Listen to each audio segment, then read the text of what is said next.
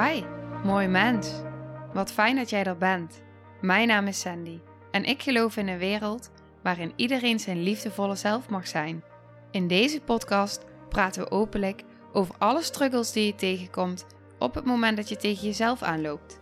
Vanuit mijn kennis en ervaring deel ik levenslessen en geef ik je inspiratie hoe jij vanuit pijn en angst weer voor liefde en vertrouwen kunt kiezen, zodat jij, dwars door het donker, de weg terug kunt vinden naar het licht in jezelf.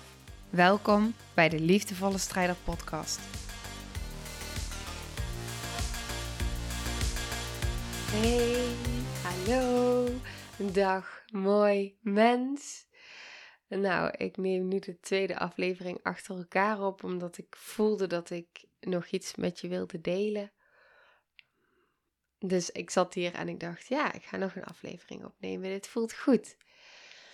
Ik wil namelijk iets delen wat ook weer gaat over liefde, net als de vorige aflevering, maar weer vanuit een andere hoek, anders belicht. Hij gaat namelijk ook over rouw. Rouw in de breedste zin van het woord. We kennen vaak uh, rouw als op het moment dat iemand overlijdt, dan gaan we door een rouwproces heen van verlies. Maar rouw is natuurlijk zoveel meer. Rouw is ook op het moment dat je iets van jezelf verliest. Het is ook op het moment dat je iets in je leven verliest. Of dat je hele leven van het een op het andere moment. Ik heb het meegemaakt dat je leven van het een op het andere moment er totaal anders uitziet. Um, ik maakte dat natuurlijk mee na mijn ongeluk. Um, ik heb er meerdere gehad, maar vooral het ongeluk wat ik had in 2018 maakte dat ik door zo'n grote. Um, nou, ik, ik kan even niet anders noemen dan dat het zo'n moeilijke situatie was waar ik doorheen ging. Um, maar juist die moeilijke situatie, het was zo'n diep rouwproces. Um, waar ik doorheen ging op allerlei lagen in mezelf en in mijn leven. Maar het was de grootste les die ik ooit heb gehad. En ik kreeg de meest grote kansen op dat moment om bij mijn ware pad te komen. En dat voelde ik. Dat was een weten. En ik voelde ook dat als ik het kon bekijken vanuit een groter geheel, dat het me iets zou gaan brengen. En ik heb ervaren, en het raakt me meteen als ik het uitspreek, dat die rouw, die rouw die ik toen ervaarde van het voelen dat ik bijna alles verloor, maar vooral dat ik mezelf helemaal verloor, dat ontluikte de diepste liefde die er was. Um, daardoor ben ik gaan zien dat rouw, mijn stem slaat ervan over, zo in verbinding staat met diepe, ware liefde kunnen voelen. Als we erbij blijven. Dus in plaats van, ik wist gewoon, ik moet niet in verhalen gaan schieten. Ik moet niet vast gaan zitten in angst. Waarom overkomt mij dit? Uh, heb ik niet al genoeg meegemaakt? Um, komt het ooit nog goed? Blijf ik voor altijd zo vast in mijn lichaam. Ik wist gewoon, die verhalen, die houden mij weg van die liefde. Die angst houdt mij weg van die liefde. En ik wist dat als ik aanwezig kon blijven bij alles wat er was, zodat ik niet ging zitten in die verhalende waarom verhalen, maar echt aanwezig blijven in mijn lichaam, wat ik überhaupt nog nooit had gedaan daarvoor. Um, wat, ik wat ik toen ben gaan leren om te doen. Om te voelen wat er is in het hier en nu. Dat maakte dat ik heb ervaren, dat ik ben gaan ervaren in de periode daarna. Dat was echt absoluut niet meteen zo.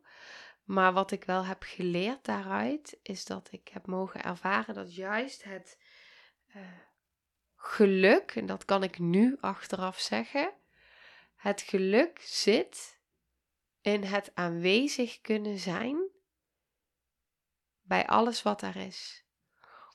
Dus ook als ik nu in mijn leven kijk, ik heb wel een voorbeeld, een recent voorbeeld. We gingen dus naar Mexico. En dat was best een lange reis. Een vliegreis op het vliegveld. Ik had natuurlijk een peuter bij van anderhalf. Die, uh, het was een dagreis op de heenweg, een dagvlucht. Die wilde natuurlijk non-stop volledige aandacht. En uh, wat helemaal oké is, wat ergens natuurlijk heel fijn is en tegelijk ook intensief. En ik ben natuurlijk zwanger, dus mijn fysieke lichaam vraagt van alles van mij. En ik zat gewoon de hele dag, eerst in de auto, daarna uh, op vliegveld, daarna in die vliegtuigstoel, uh, daarna weer in de bus. Dus ik zat de hele dag. En daarnaast rende ik samen met mijn man achter onze Peter aan op het vliegveld. Maar het vroeg natuurlijk gewoon, um, ja, het, vroeg iets van mij. En dat is helemaal oké, daar hebben we zelf voor gekozen. Maar dat nam niet weg dat ik toen we eenmaal daar waren aangekomen, ook een jetlag hadden, tijdsverschil, um, dat ik dus in mijn fysieke lichaam voelde hoeveel het eigenlijk van mij had gevraagd. Dat voelde ik. Dat voelde ik doordat ik pijn kreeg op de plekken die voor mij het meest gevoelig zijn.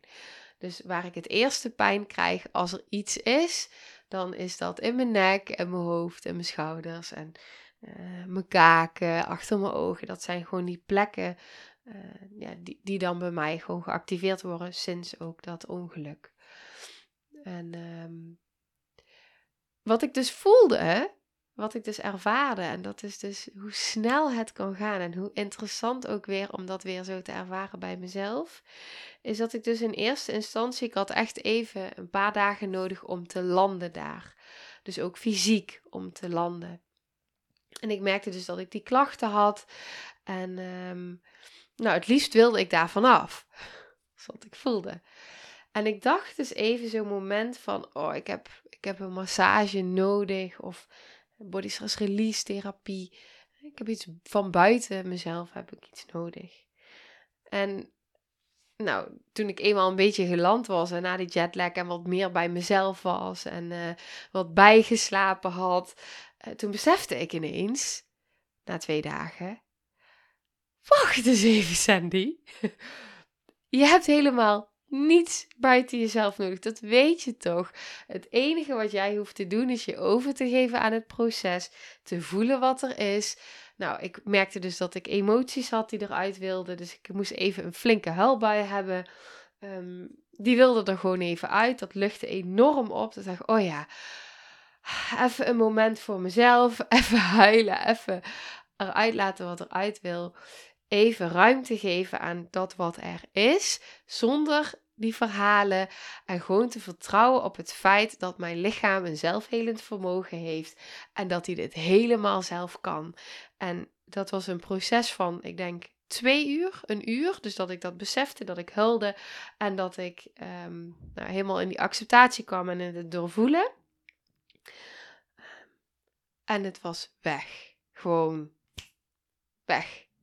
En toen dacht ik weer, maar dit is het. En dit is keer op keer op keer wordt dit bevestigd. En dit kun je natuurlijk vertalen, ik, deel hem nu heel erg fysiek, maar dit kun je natuurlijk vertalen naar uh, alles, want alles werkt samen. Dus die emoties en dat fysieke lichaam en die mind, uh, die hoor je nu ook de hele tijd terug daarin. Um, die hebben allemaal daarin, die reageren allemaal op elkaar. En dit kun je dus nu vertalen naar in iedere situatie waar je in zit. Dus of het nou is dat je kind gepest wordt op school, of het nu is dat je in een baan vastzit die je niet leuk vindt, of wat dan ook. Op het moment dat je dus. Um, nou, eigenlijk is mijn ervaring dus dat op het moment dat ik dus uh, doorvoel en toesta en gewoon aanwezig ben bij alles wat is, ook al is dat diepe rouw, diepe pijn, um, dan zit daarin meteen ook het grootste geluk, ongeacht de situatie. Um, dan is het zo zijn met alles wat er is.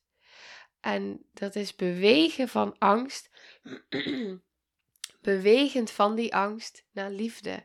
Het is niet in die verhalen schieten, Ehm, het is niet uh, vasthouden aan uh, waarom ik en waarom nu en ik wil dit niet. En um, dat is daar, het is daar los van komen. Het is vanuit het, een groter geheel het bekijken.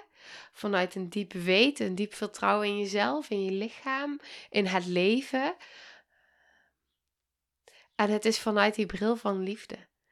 En wat ik heb ervaren is dat juist de diepste pijnen, de diepste rouw, de grootste moeilijkheden in ons leven, dat zijn de dingen die ons het diepst naar liefde kunnen brengen en naar onze ware zelf. Op het moment dat we bereid zijn en in staat zijn om daar anders naar te gaan kijken en die verantwoording en dat vermogen en die dat zit allemaal in ons. Dat kunnen wij. En dat is natuurlijk het, ehm, het mooie hieraan. Is dat ook dat is uh, de kracht in jezelf weer herinneren. De liefde in jezelf weer herinneren. En voor mij is het dan weer zo'n moment dat ik denk van, oh ja, het, het, als ik dan voel hoe snel het gaat, heb dan een paar dagen heb ik die last, die pijn. En op het moment dat ik dus ga in de stand van overgave, in het doorvoelen, even een moment voor mezelf pak. Om even te zijn met alles wat er is. Zonder verhalen. Instant. Shift het. Het is de beweging naar liefde. Het is de beweging naar overgave, naar acceptatie. En nou, dan gaat het zo snel ja, ook gewoon het accepteren dat dus. Ja, dat is ook waar ik uh, heel erg in zat toen na mijn ongeluk. Het kunnen accepteren dat alles precies is zoals het moet zijn. Terwijl ik niets kon. En mijn hele leven op dat moment weg leek te vallen. Niet wist of ik ooit moeder kon worden, of ik ooit nog kon werken, überhaupt ooit nog een dag door kon komen. Uh, want het, dat lukte me gewoon niet om een dag door te komen. Om uh, nou, alleen al mezelf aankleden en uh, überhaupt ontbijten, dan was ik gewoon al op. En ik kon alleen maar liggen, of heel veel liggen. Niet alleen maar, maar wel heel veel. Ik kon bijna niet zitten. En dat begon weer op een gegeven moment met 10 minuten kwartier. En dat ik weer kon gaan zitten. En als ik te lang had gezeten, wat ik natuurlijk ook wel eens deed, dan kreeg ik zo'n terugslag de dagen daarna. En ik heb het nu wel ook wel over mijn ergste periodes hoor, mijn ergste dagen. Dit is ook iets wat ik heel erg verborg.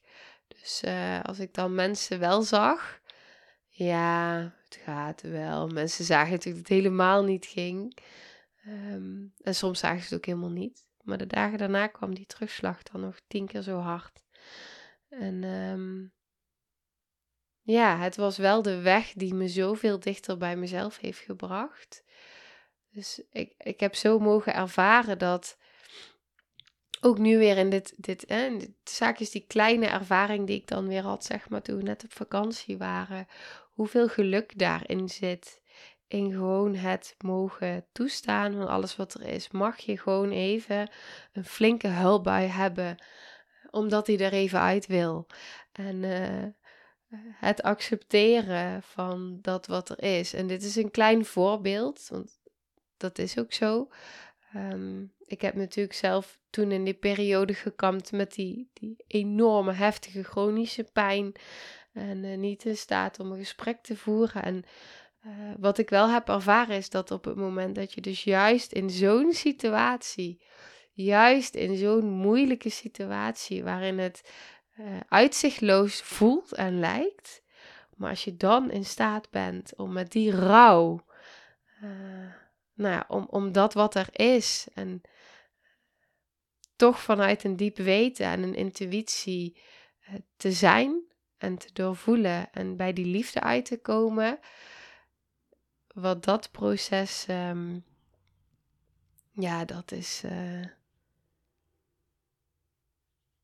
ik weet niet.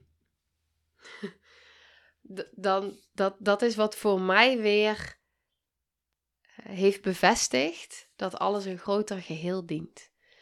En dat heeft die ervaring echt voor mij gedaan. Uh, echt kunnen zien van hé, hey, maar het leven biedt mij nu iets wat mij dichter bij mezelf wil brengen. En als ik die keuze maak van, en die heb ik gemaakt, um, ik wil van mezelf gaan houden, dat was de grootste, de allergrootste uh, van dat moment. Ik wil van mezelf gaan houden in plaats van mezelf zo haten. Dat veranderde alles in mij en alles om mij heen. En uh, sindsdien is dat alleen maar versterkt. Dus, uh, ik voelde dat ik daar nog iets over. Ik, ik voelde gewoon dat ik iets wilde delen daarover. Over het stukje rouw en liefde en angst daarin. En hoe rouw en moeilijke situaties ons echt dichter bij onszelf kunnen brengen. En echt dichter bij die liefde in onszelf, die er zo is, zo groot is. En we zijn zo verbonden met dat geheel. Eh, zo verbonden met alles. En uh, iedere liefde die je in de ander ziet, is een reflectie van dat wat in jou aanwezig is. Dus iedere keer als je naar iemand kijkt en je denkt: Oh, maar ik zie zoveel liefde in jou. Dan kun je dat zien, omdat dat een reflectie is van de liefde die ook in jou zit. En, uh, ja.